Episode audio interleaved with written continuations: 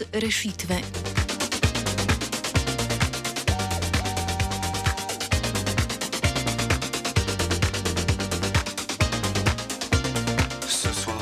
Sindikati javnega sektorja so z vlado prišli do dogovora glede zvišanja plač v javnem sektorju. Po poletju neuspešnih pogajanj sta se strani uspeli strinjati, da se bo z oktobrom vsem javnim uslužbencem plača povišala za 4,5 odstotke, s 1. septembrom pa se bo zvišalo nadomestilo za malico na 6,15 evra.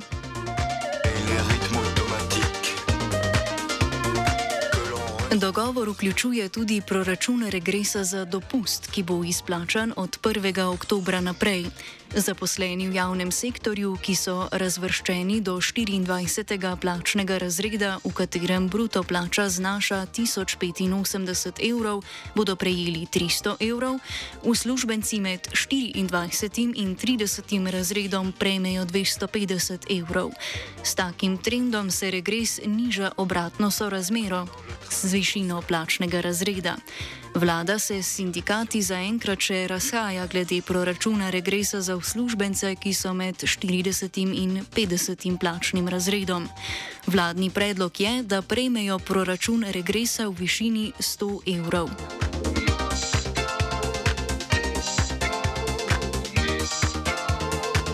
Ministrica za javno upravo Sanja Ajanovič-Hovnik je ob sprejetju dogovora zadovoljna. Uh, ja, jaz moram z velikim zadovoljstvom ugotoviti, da smo danes uh, končno zbližali svoje stališča in svoje poglede na to, kako uh, nasloviti draginjo, inflacijo in nesorazmerja, ki v uh, javnem sektorju obstajajo. Uh, glede na to, da so ta pogajanja vredna slabih 600 milijonov evrov, se dejansko razhajamo v nekih 20 milijonih, za katere ocenjujemo, da jih bomo na naslednjih pogajanjih, torej v ponedeljek, dokončno zaprli in parafirali dogovor. Nadaljna pogajanja bodo potrebna glede tega, v katerem mesecu prihodnjega leta bodo vsem javnim uslužbencem plače dvignili za en plačni razred. Iz tega dviga bodo izuzeti delavci v zdravstvu in socialnem varstvu, ki so plače uskladili konec lanskega leta. Sindikati želijo, da bi se plače zvišale z marcem, medtem ko vlada ustraja, da do dviga pride aprila. Ministrica Hovnik pojasni, da razlika v enem mesecu pomeni za državni proračun proračun razliko 20 milijonov evrov. Vladna stran ocenjuje, da v tem trenutku ni mogoče uh, ta en plačni razred dati v, z marčevsko plačo v prihodnjem letu, temveč uh, za aprilsko plačo, to je teh 20 milijonov. Um, in sicer iz razloga, ker želimo, da se dogovori, ki so sklenjeni, za katere je potrebna uresničitev, in pač tudi ta ostala plačna nesorazmerja, da se odpravijo. Ocenjujemo, da je prevelik izdatek v tem trenutku, da bi lahko potem vse to izvedli.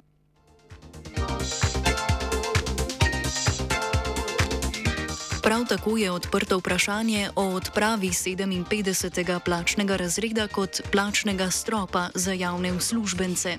V začetku septembra je bilo govora, da plačnega stropa ne bi odpravili le za zdravnike, ampak tudi za visokošolske učitelje in raziskovalce. O nedorečenosti Jakob Počivalšek, predsednik Konfederacije sindikatov Slovenije Pergam, ki vodi eno izmed pogajalskih skupin sindikatov. Uh tudi okrog tega vprašanja ni še popolnoma jasno, kakšen je uh, predlog vlade, tako da tudi to je ena od zadev, ki jo bomo morali doreči. Se pravi, ali gre tukaj, uh, ali vlada predlaga tukaj odpravo plačnega stropa ali zgolj premik za ta en plačni razred, uh, ki ne bi se zgodil potem v prvih mesecih prihodnega leta.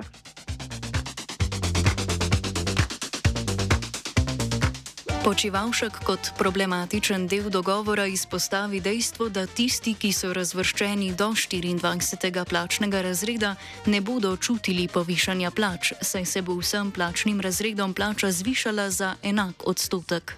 Povišale se bodo osnovne plače, ki so osnova za obračun dodatkov. Um, relativno večji delež bodo dobili, kar se tiče pač, uh, prehrane in viš, višji regres za letni dopust.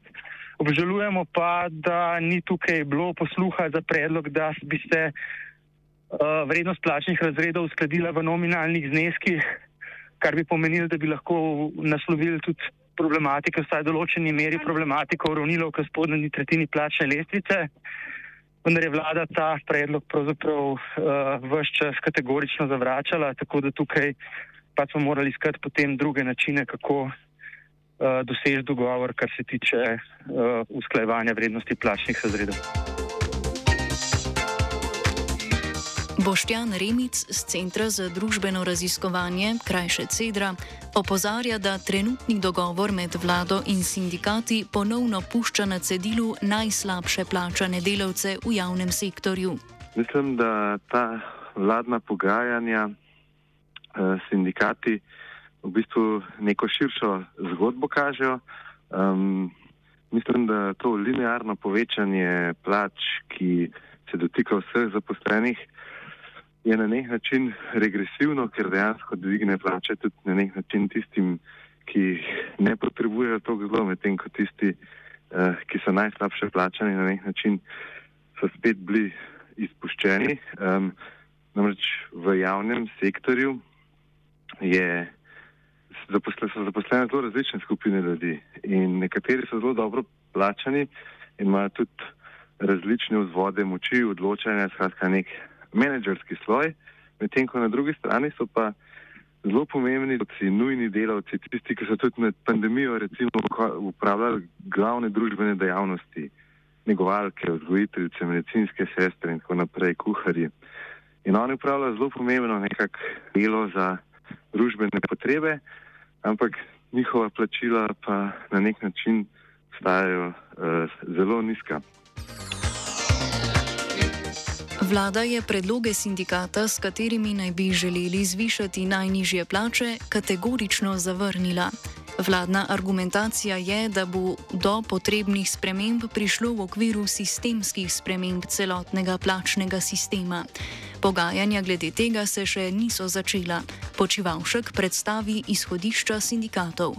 Te pogovori ne bi se začeli po uh, podpisu tega dogovora, Uh, zdaj, kakšna bodo pa tukaj vladna izhodišča, pa v tem trenutku še ni znano. Za nas bo vsekakor prioriteta naslavljanje, kot rečeno, kompresijo v spodnji tretjini plačne lestvice in pa tudi vprašanje pač seveda vrednotenja delovnih mest. Dejstvo je, da plačni sistem je v, uh, v, v življenju od leta 2008 nekih večjih sprememb uh, ni doživel razen zamrznitve številnih institutov v času uh, vačevalnih ukrepov, kar sicer ne pomeni, da ga je potrebno popolnoma obrniti na glavo, gotovo pa je potrebno pogledati, v katerih delih so potrebne izboljšave in mi pričakujemo seveda, da, bodo, da se bomo pogovarjali o tem in tudi uskladili, kot je tudi uh, določilo dogovore iz leta 2018, ki predvideva soglasje tudi sindikatov uh, glede temeljnih vprašanj plačnega sistema.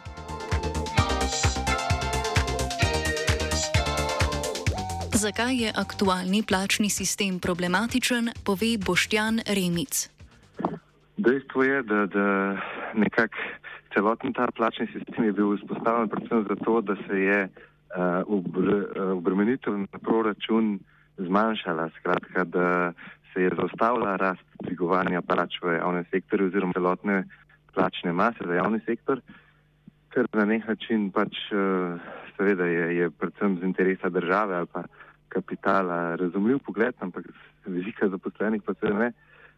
Ampak, se pa ta plačni sistem nekako z različnimi ali nekimi posameznimi sindikalnimi boji, ki so bili nekako zelo zamejeni, uh, omejeni na posamezne poklicne skupine, tukaj recimo lahko omenjamo policiste pa zdravnike, ki so na nek način mogoče zaradi podpore političnega vodstva, skratka vlade, uh, se uspeli izboljšati položaj glede na tisto začetno, začetno ureditev.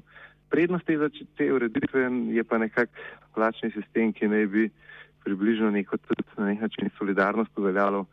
Ampak vprašanje je, če je ta solidarnost bila že od začetka uveljavljena, vprašanje je, zakaj te plačne razlike na nek način uh, na najnižja mesta potiskajo ravno tiste, ki imajo zelo, zelo, zelo pomembno funkcijo upravljajo, da v bistvu ta plačni sistem na nek način temelji na načinu plač, ki je seveda uveljavljen v, v recimo zasebnem sektorju, kjer seveda ima ta plačni sistem deluje kot nek mehanizem za to, da delavci delajo več, hitreje in tako naprej in da na nek način tudi jih uh, razbija oziroma razdružuje, da se recimo na, na, zauzemajo za napredovanje, ne pa za izboljšavo položaja vseh skupaj. Dogovor naj bi za sindikate pomenil minimalen še sprejemljiv kompromis, za vlado pa največ, kar je lahko ponudila. Najslabše plačani bodo dobili najmanj. Sistemske ureditve, ki tudi tokrat služi kot izgovor za zasilen dogovor, pa na vidiku ni.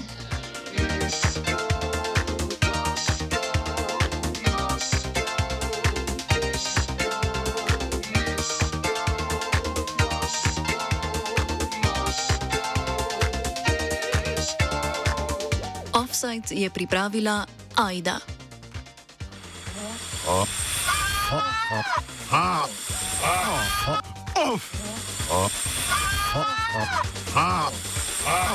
Offside.